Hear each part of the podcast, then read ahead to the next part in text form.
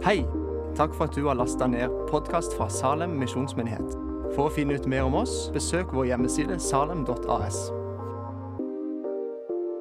Takk, Bente. Det heter i Skriften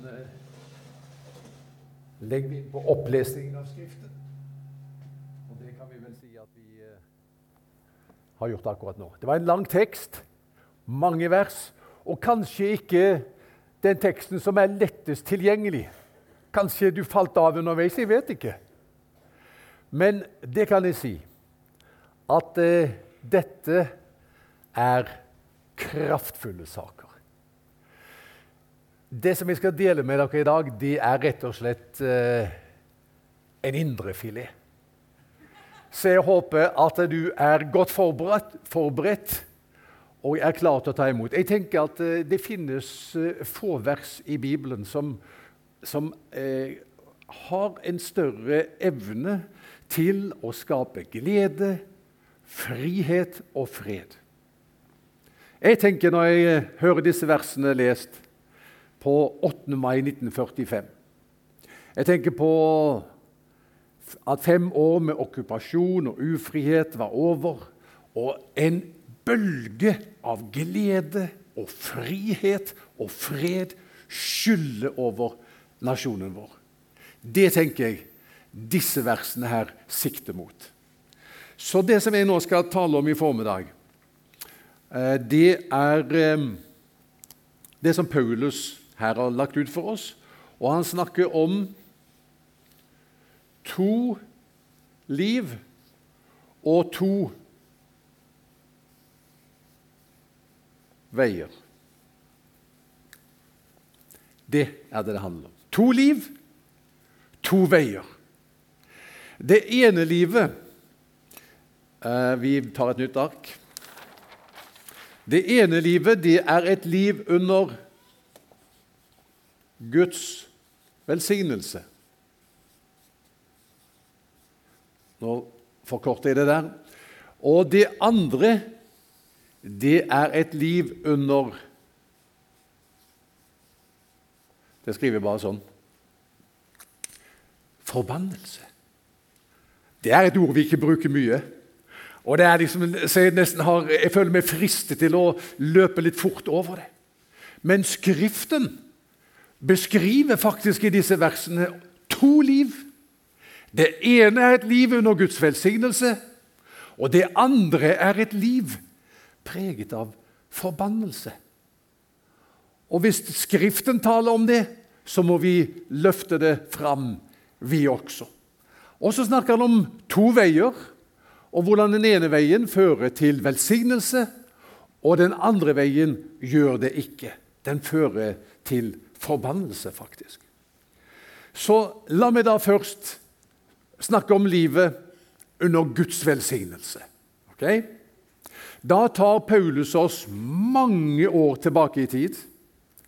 Han tar oss tilbake til 2000 år før Kristus og til Abraham. Og så sier han Abraham er et eksempel på et liv under Guds velsignelse. Og den velsignelsen som han fikk del i, den gjaldt ikke bare for han, men også for hans ett, hans etterkommere. Vi leser jo dette som Paulus refererer til. Det er 1. Mosebok kapittel 12 og vers 2. og Der sier Gud til Abraham.: Jeg vil gjøre deg til et stort folk. Jeg vil velsigne deg og gjøre ditt navn stort. Du skal bli til velsignelse. Og så står det i slutten av vers 3.: I deg skal alle slekter på jorden velsignes. Den velsignelsen som Abraham og hans ett ble lovt, det var for det første et land. Det var veldig konkret. Paulus vet også det. Det løftet han fikk, det var et løfte om Kanans land. Men at det rommet mer, den velsignelsen, enn bare landet, det er jo lett å forstå, for det står at eh, i deg skal alle slekter på jorden velsignes. Og Vi kan jo ikke se for oss at alle slekter på jorden skal velsignes med Kanans land. Er du med? Det er ikke plass til alle slekter på jorden innenfor de kvadratkilometerne. Slik at det, det er et større eh, sikte. Denne velsignelsen er også en åndelig velsignelse. Og Det gjør jo Paulus oss oppmerksom på. Bente leste det når han sier at det er etten som Abraham skal få, og som også skal bli velsignet, det er Kristus. Det står slik i vers 16 Gud ga løftene til Abraham og hans ett. Det står ikke til dine etter, men, som om det gjaldt mange, men det blir talt om én til din ett, og det er Kristus. Slik at det, det interessante her det er det at det, den velsignelsen som Gud gir til Abraham, det er en åndelig velsignelse også. Det må vi forstå. Ikke bare landløftet. En åndelig velsignelse. Og hva som ligger i den åndelige velsignelsen, eh, det gjør Paulus det tindrende klart for oss. Det første han sier, det er det at å leve dette livet under Guds velsignelse, det, det handler for det første om å være kjent rettferdig. Og da kan vi si at et norsk ord for det, det er frifunnet. Å bli rettferdiggjort, eller kjent rettferdig, det er et begrep fra rettssalen. Og det betyr at eh, når du blir kjent rettferdig, så avsier Gud en frifinnelsesdom over livet ditt, som lyder på eh, eh, frifinnelse. Du er erklært ikke skyldig. Eh, det betyr at Gud ikke bare tilgir deg dine synder, men det betyr at han helt og fullt godtar deg. Du er under hans smil, under hans velsignelse, og han gir deg nå tilgang til alle de privilegier som det mennesket har som har oppfylt loven til punkt og prikke. Det er rettferdiggjørelse, og det var noe som Abraham fikk del i. For det står i vers 8.: Skriften forutså at Gud ville rettferdiggjøre hedningene ved tro. Og den forkynte på forhånd dette gode budskapet til Abraham. I deg skal alle folkeslag velsignes. Så Guds velsignelse, vers 8, det handler om å være et liv under Guds velsignelse. Det handler om å være rettferdiggjort, erklært ikke skyldig, frifunnet. Slik var det også for Abraham. For det står i vers 6 han trodde Gud, og derfor regnet Gud ham som rettferdig. Så det er det ene frifunnet. Det andre som kjennetegner Abrahams velsignelse og et liv uh, under den samme velsignelse som han fikk del i, det er Åndens gave. For det står i vers 14 slik skulle Abrahams velsignelse komme til folkeslagene i Kristus Jesus, så vi ved troen skulle få ånden som det var gitt løfte om. Så Abrahams velsignelse det handler om et rett forhold til Gud. Du er erklært rettferdig, du er frifunnet, og så handler det om at du får Den hellige ånd. Det er også Abrahams velsignelse. Og da kan vi si et annet ord for det at du får Den hellige ånd. Det er nærvær. Guds nærvær. Gud tar bolig i livet ditt. Du får del i Den hellige ånd. Han sjøl flytter inn i livet ditt. Dette er livet under Guds velsignelse, som Paulus beskriver. Men som jeg sa, han beskriver også et liv med motsatt fortegn. For hva er forbannelse? Forbannelse er det motsatte av eh, velsignelse. Og et liv under forbannelse, det er et liv hva er det motsatte av å være eh, frifunnet i en eh, rettssak? Det motsatte er jo å dømmes. Å være skyldig. Så da kan vi si at eh, et liv under forbannelse, det er å være dømt.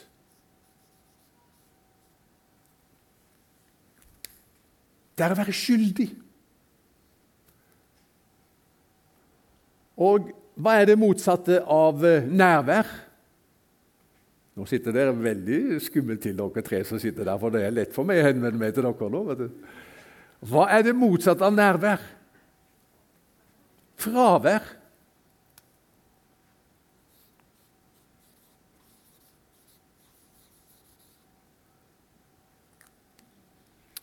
Ok. Så Paulus han er egentlig som en sånn Moses-type i akkurat dette her. For Husker du Moses? Han sto foran folket og så sa han, jeg legger fram for dere to veier. Livet og det gode, eller døden og det onde. Og så er det liksom som Paulus tar tak i dette og så sier han, nå skal jeg beskrive to liv for dere. Det ene det er livet og Guds velsignelse, der du er frifunnet i Hans domstol, og der du har Guds nærvær i ditt liv, og du har Ånden som en kraft i livet ditt. Ser dere dette, eller står dette i veien for dere? Det står i veien. Er det bedre, Hildur? Kan du lese det? Mens et liv under forbannelse, altså da lever man under dommen, man er kjent skyldig, og det er et fravær av Åndens nærvær og kraft i ditt liv. Og når du har disse to alternativene foran deg, hva velger du? Jeg hørte det ikke, men det var sikkert klokt. Jeg tror at, eh, jeg tror at dere vil si ja, Stilt overfor de to alternativene, så vet jeg veldig klart hva jeg vil velge. Jeg ønsker å leve under Guds velsignelse, den velsignelsen Abraham fikk del i frifunnet og med Den hellige ånds nærvær i sitt liv. I love it! Det vil jeg ha del i. Ikke sant? Det er klart. Men hvordan får vi del i det? Og Da husker du at jeg, jeg sa denne, denne teksten handler om to liv, og så handler den også om to veier. Og nå, Når vi har sett på disse to livene, så skal vi se på to veier.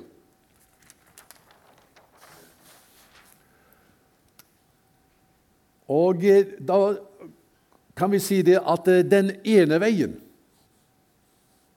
det er den veien som de jødekristne lærerne underviste menighetene i Galatia om. Du vet, Paulus hadde vært i Galatia, forkynt evangeliet. Etter ham kom noen jødekristne lærere. Jødekristne, Hva betyr det? Ja, De første kristne var jo jøder. Siden så fikk hedningene del i dette. Det var jo Paulus sin misjon.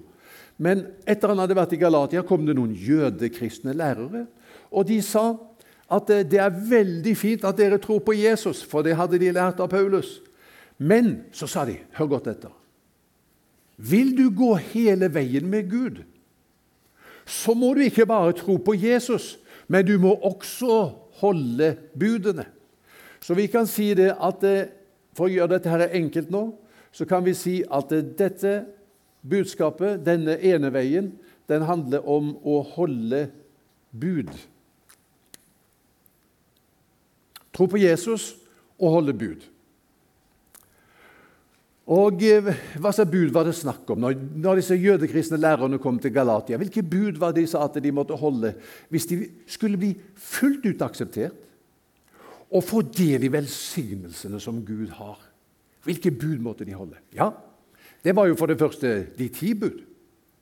Du skal ikke ha andre guder enn meg. Du må ikke misbruke Guds navn. Du skal holde hviledagen hellig. Du skal hedre din far og din mor. Herde din far og mor, som mine barn sa.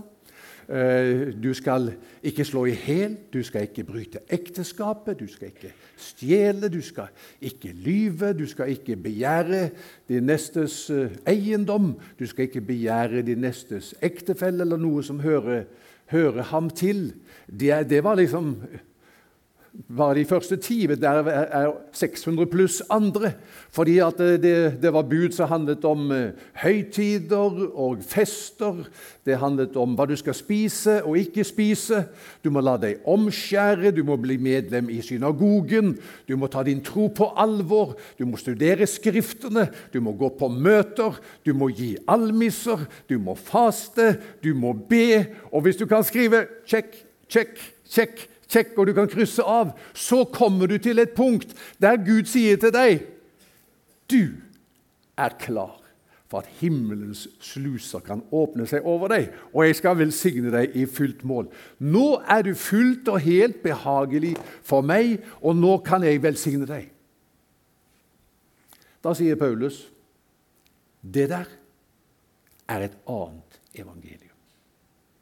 Det du hører der, tro på Jesus pluss vis din oppriktighet ved å holde bud og lover, det er et annet evangelium. det fører ikke fram. Det fører ikke til velsignelse. Det fører til forbannelse. Da Bente og meg var i en annen alder der vi er nå, da barna våre var små hjemme, så sang vi for dem. Jeg vet ikke, Angela, om, eh, om du var så lita da at ikke du husker, men vi sang en veldig fin sang med et, eh, med et dypt teologisk innhold. Den het 'Så tar vi sporvognen som går til himmelen'. Kan du den? Noen? Åse kan den. Med Guds Daniel, kan du han? Hva?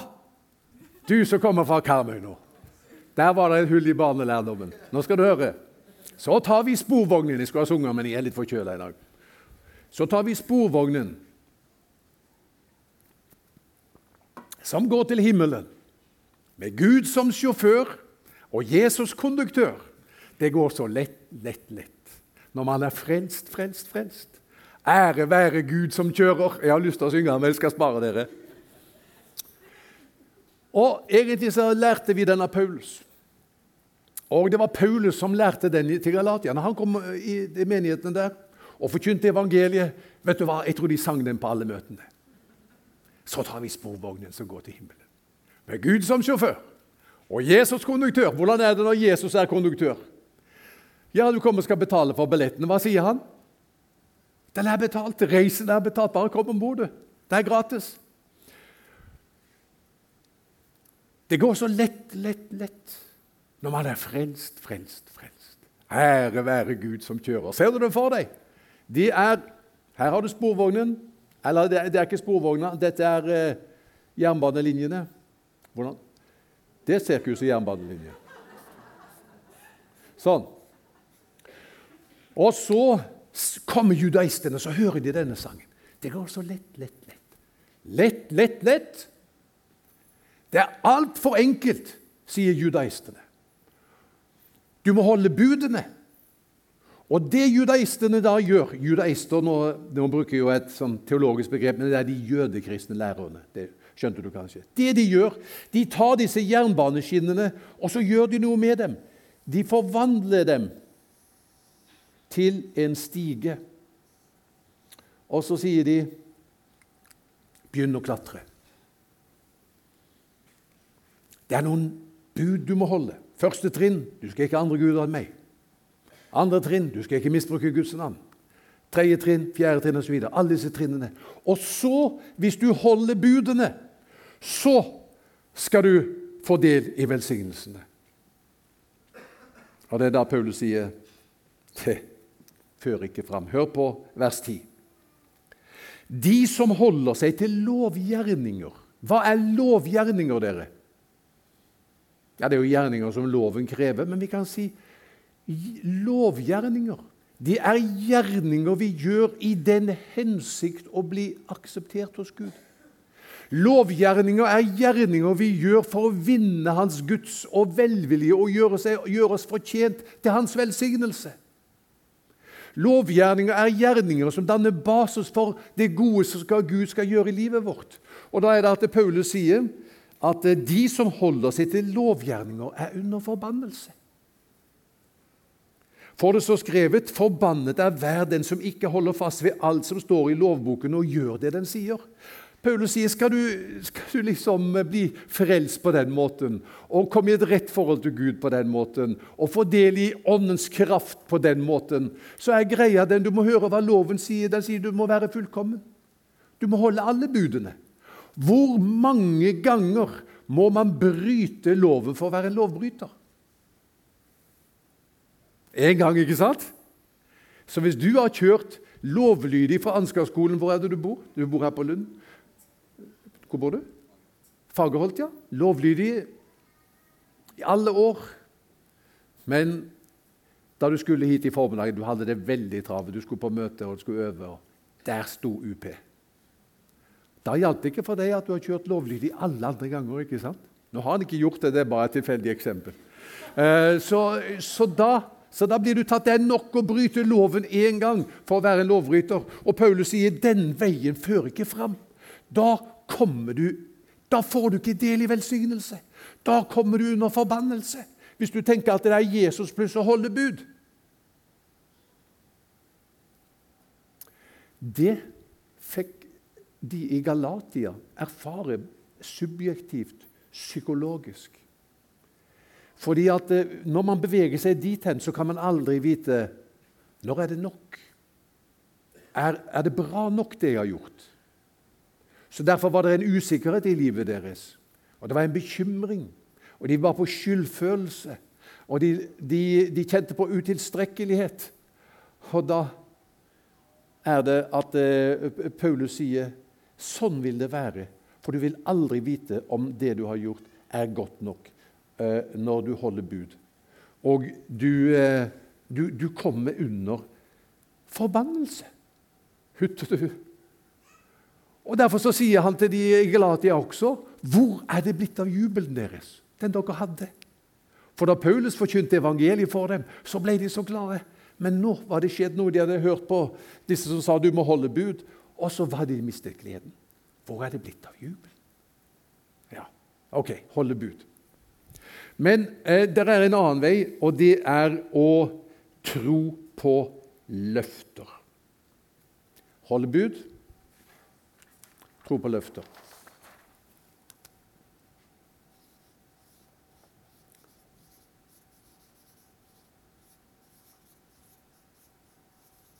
tro på løfter. Hvordan kan vi få del i Guds velsignelse? Vi som ikke greier å holde loven, og derfor og, og, og ikke når liksom den standarden der, og derfor er under forbannelse. Hvordan kan vi da i det hele tatt få del i dette livet som Gud beskriver, et liv under Guds velsignelse? Og Da er det at eh, Paulus peker på Jesus.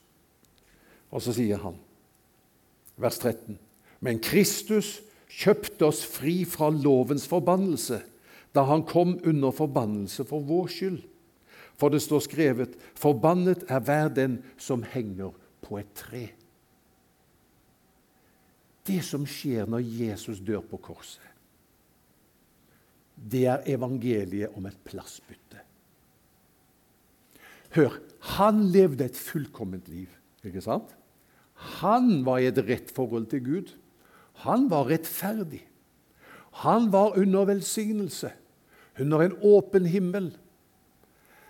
Alt det gode som eh, beskrives som Abrahams velsignelse Jesus levde i dette. Det som skjer når Jesus dør på korset, det er at han går inn under forbannelse for vår skyld. Han bytter plass med oss. Han blir det som vi var, for at vi skulle få del i det som han var og hadde. Plassbytte. Et veldig viktig vers i den forbindelse er 2. Korinterbrev 5, 21. Der står det Han som ikke visste av synd, har han gjort til synd for oss, for at vi i ham skal få Guds rettferdighet. Det er kraftige saker. Han som ikke visste av synd, Jeg jeg beskrevet hvordan han levde, ble gjort til synd. Hvorfor? For at vi i ham skulle få Guds rettferdighet. Det betyr dette her som vi har beskrevet nå med Abrahams velsignelse. Et plassbytte. Vi kan tenke oss hva det må ha vært for Jesus. Jeg vet ikke om noen av dere har opplevd eh, og eh, antagelig ikke men kanskje kjenner du noen som opplevde en kald vinterdag. Du er på båten, og så faller du ut i det iskalde, frådende vannet. Vi kan bare prøve å forestille oss det. Det må være et sjokk. Du er varm, faller ut i det iskalde vannet, går under, kommer opp igjen, hiver etter pusten. Og Du kan ikke overleve lenge i det så kan vi bare tenke hvordan må det ha vært for Jesus å komme under forbannelse for vår skyld? Hvordan må det ha vært for han å bli gjort til synd? Men greia er altså den at det betaler han. Den prisen betaler han. For at du skal få del i Guds rettferdighet som betyr alt er i orden mellom deg og Gud, og du er frifunnet i rettssalen, ikke sant? Det gjør han for at du skal få del i Guds rettferdighet og Guds velsignelse. Og hør like så fullkomment som Jesus ble gjort til synd. Like så fullkomment er du nå rettferdig. Ikke sant? Hvis vi liksom er litt usikre på hvor, er, hvor, hvor står jeg i forhold til Gud, hvor rettferdig er jeg egentlig? Er det grader av rettferdighet? Hvor er jeg? Han ble gjort til synd.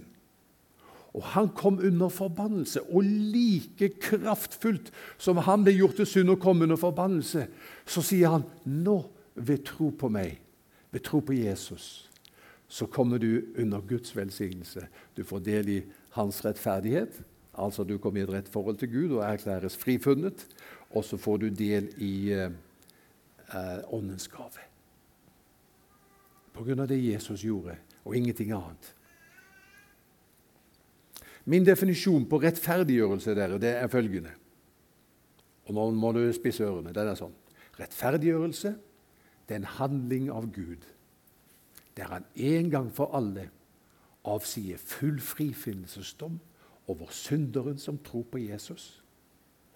Og heretter gir han og henne tilgang til alle de privilegier den har som har oppfylt loven til punkt og prikke. Er det bra sagt? Jeg må ta det en gang til. Rettferdiggjørelse det er en handling av Gud, der han en gang for alle avsier følgende kjennelse over livet ditt, Kornelius. Frifunnet fordi du tror på Jesus.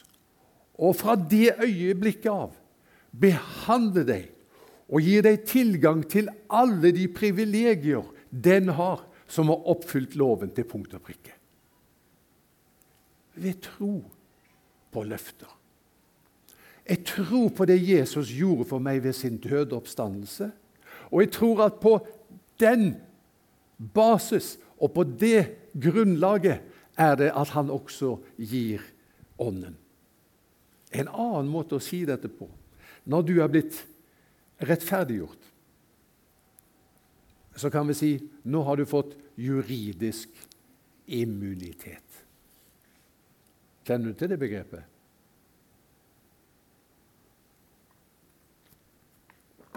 Hva vil juridisk immunitet si? Hvor mange i Norge har juridisk immunitet? Én person kongen. Og jeg vet, For noen år siden så var kongen, kong Harald ute å kjøre. Skulle han sikkert rekke et viktig møte oppe på Hamar. og så Han trykka litt hardt på gasspedalen. Der var UP. Vinket ham inn. Og denne Politimannen visste ikke hvem det var som kom kjørende. Men han ble forskrekka når vinduet gikk ned, og der satt kong Harald. Å, himmelhavsall! Kjør videre. Kjør videre. Jeg tuller ikke juridisk immunitet. Svenskekongen var ikke bedre med han. Han har også juridisk immunitet i Sverige. da. Han var ute og kjørte. Og så var det det at Han som kjørte foran, han måtte brå bremse, og det så ikke svenskekongen. Så med sin fine bil så kjørte han rett inn i denne bilen foran ham. Politiet kom. Han som satt i bilen foran, måtte ta sånn alkoholtestprøve. Måtte blåse i, i det, dette man blåser i. Men svenskekongen, som hadde kjørt på ham, han skulle ikke ta noen alkotest. Han sto bare der og så på, og så vinket han litt, og så kjørte han igjen. Juridisk immunitet. Hva er det å være rettferdiggjort?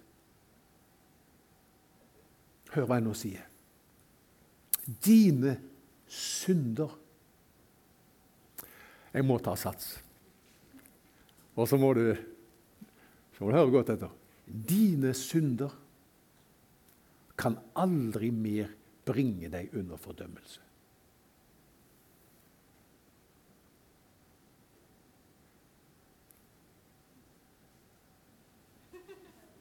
Det er, det er kolossalt. Hvorfor det? Du er rettferdiggjort en gang for alle. Hvis det skulle bringe deg under fordømmelse, det vil det være samme som å si at en regning skal betales to ganger. Det som skjedde da Kristus døde på korset, han betalte regningen. For alle dine synder i fortid, nåtid og framtid. Det er ordnet opp med. Og når du tror på ham, så ser du alt er i orden mellom meg og Gud. Jeg er ikke under fordømmelse, og det gjelder for resten av mitt liv og resten av evigheten. Så tar vi sporvognen som går til himmelen, med Gud som sjåfør og Jesus konduktør. Det går så lett. Men disse eh, jødiske lærerne, da, de, de var Jeg skal prøve å finne en avslutning. De var, eh, de var ikke eh, de, Det var vanskelig å overbevise dem. Så, og, og galaterne strevde også. Og Derfor er det at eh, Paulus sier til galaterne Ok, men hvordan var det med dere, da? Når jeg kom til dere, hva var det for et budskap jeg forkynte til dere da? Når jeg kom? Dette var for å underbygge og forklare at det handler om tro på løfter. Hvilket budskap var det jeg forkynte? Han sa dere fikk Kristus malt for øynene som korsfestet. Jeg kom ikke med et budskap om hva du skulle gjøre. Jeg kom ikke med gjerninger du måtte gjøre, lover du måtte oppfylle, krav som måtte innfris, eller forventninger som måtte etterleves. Jeg kom ikke med et budskap som handler om deg, men jeg kom med et budskap som handler om ham. Jeg kom ikke med et budskap om hva du skal gjøre, men hva han har gjort. Hva skjedde med dere da? sier han. Dere fikk ånden. Når jeg fortalte dere om Jesus, så kom du rett inn i den velsignelsen som Abraham hadde fått del i. Og ånden kom over dere. Og så sier han Og hvordan er det med Gud egentlig? Hvordan er det han opererer? Han som gir dere ånden og gjør under blant dere. På hvilket grunnlag gjør han det? Og jeg mener, skulle ikke vi gjerne ønske det at vi kunne si å, det skulle vi gjerne sett mer av? At vi kan si om Salem, der er det sånn. Der gir han ånden, og der gjør han under. Ja, Hvordan skal vi komme dit? Ja, Det er to veier. Den ene veien hold budene. Den andre er tro på løftene. Og hvis du tror på løftene, på at det Jesus gjorde på korset, det har brakt deg i en stilling hos Gud der alt er i orden og ingenting skal forandres på og pyntes på, og du har nå adgang til all velsignelse, der er fundamentet også for at vi ser disse tingene skje. Så det var det første. Oss som Paulus argumenterer med. Det er Galaternes egen erfaring. Og så er det Abrahams eksempel. Fordi de jødekristne sa til, til, til, de kristne i Galatia dere må bli jøder. Sa. Dere må bli med i synagogen, dere må la dere omskjære. og alt dette som er forklart. Så sier Paulus ok, la gå med det. Dere må bli jøder. Ok, La oss gå til den første jøden, da. Abraham. Hvordan kom han i et rett forhold til Gud? Hvor, på hvilket grunnlag var det han fikk del i velsignelser? Kom Gud til ham og sa nå skal du høre, herr Abraham, for det første så må du og For det andre så må du, og for det tredje så må du I stedet så kommer Gud til Abraham og så sier han, nå skal du høre hva jeg vil gjøre for deg. Jeg vil gjøre deg til et stort folk. Jeg vil velsigne deg. Og i deg skal alle slekter på jorden velsignes. Les det, så ser du. Det er bare Gud som kommer til ham og sier 'Dette vil jeg gjøre for deg', og 'dette lover jeg'. Og Abraham trodde på det som Gud hadde lovet. Og så ble det ham til rettferdighet. Da ble det godskrevet ham som rettferdighet. står det. Da kom han i et rett forhold til Gud. Han trodde på løfter. Så Abraham han trodde på løftene som Gud hadde gitt ham, og så fikk han del i velsignelsene. Ja, men så sier de jødekristne lærerne hva med Moses? Hva med loven? Hva med budene?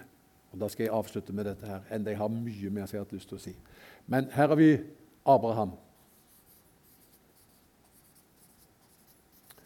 Og Gud ga ham et løfte, og han, Abraham tror på det. Her har vi Moses,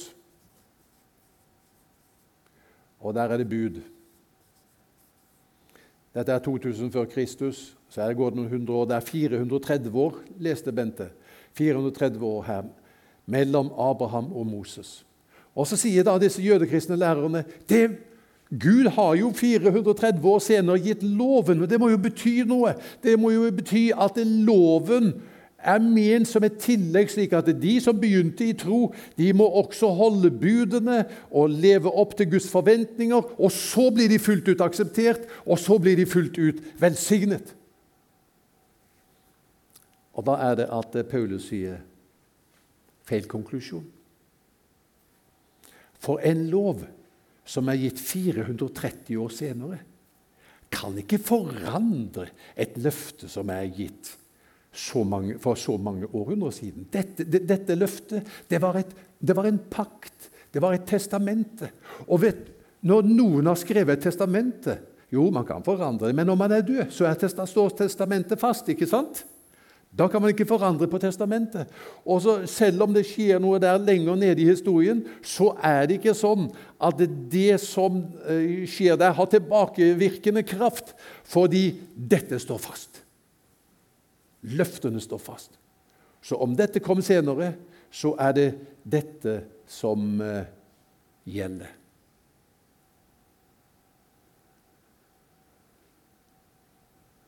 Og her er vi.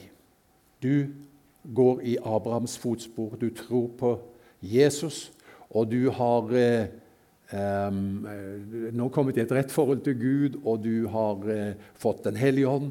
Og da skal du høre at din manglende lovoppfyllelse lenger ned i gata kan ikke ha tilbakevirkende kraft og påvirke den relasjonen som du har nå med Jesus eh, ved troen på ham og det han har lovet deg og det alene. Så Paulus sier to liv, to veier. Og Den veien som fører til velsignelse, det er å tro på løfter. Hva Jesus har sagt at han har gjort for deg, og våge å ta det inn. Er jeg nå i et rett forhold til Gud? Og han har gitt meg Den hellige ånd. Og på det grunnlaget skal jeg leve resten av mitt liv. La oss be. Herre, vi takker deg for at troen er kommet. Takker deg for at loven ikke kan sette løftet ut av kraft. Vi takker deg, Herre, for at vår manglende lovoppfyllelse kan ikke sparke beina under vår rettferdighet.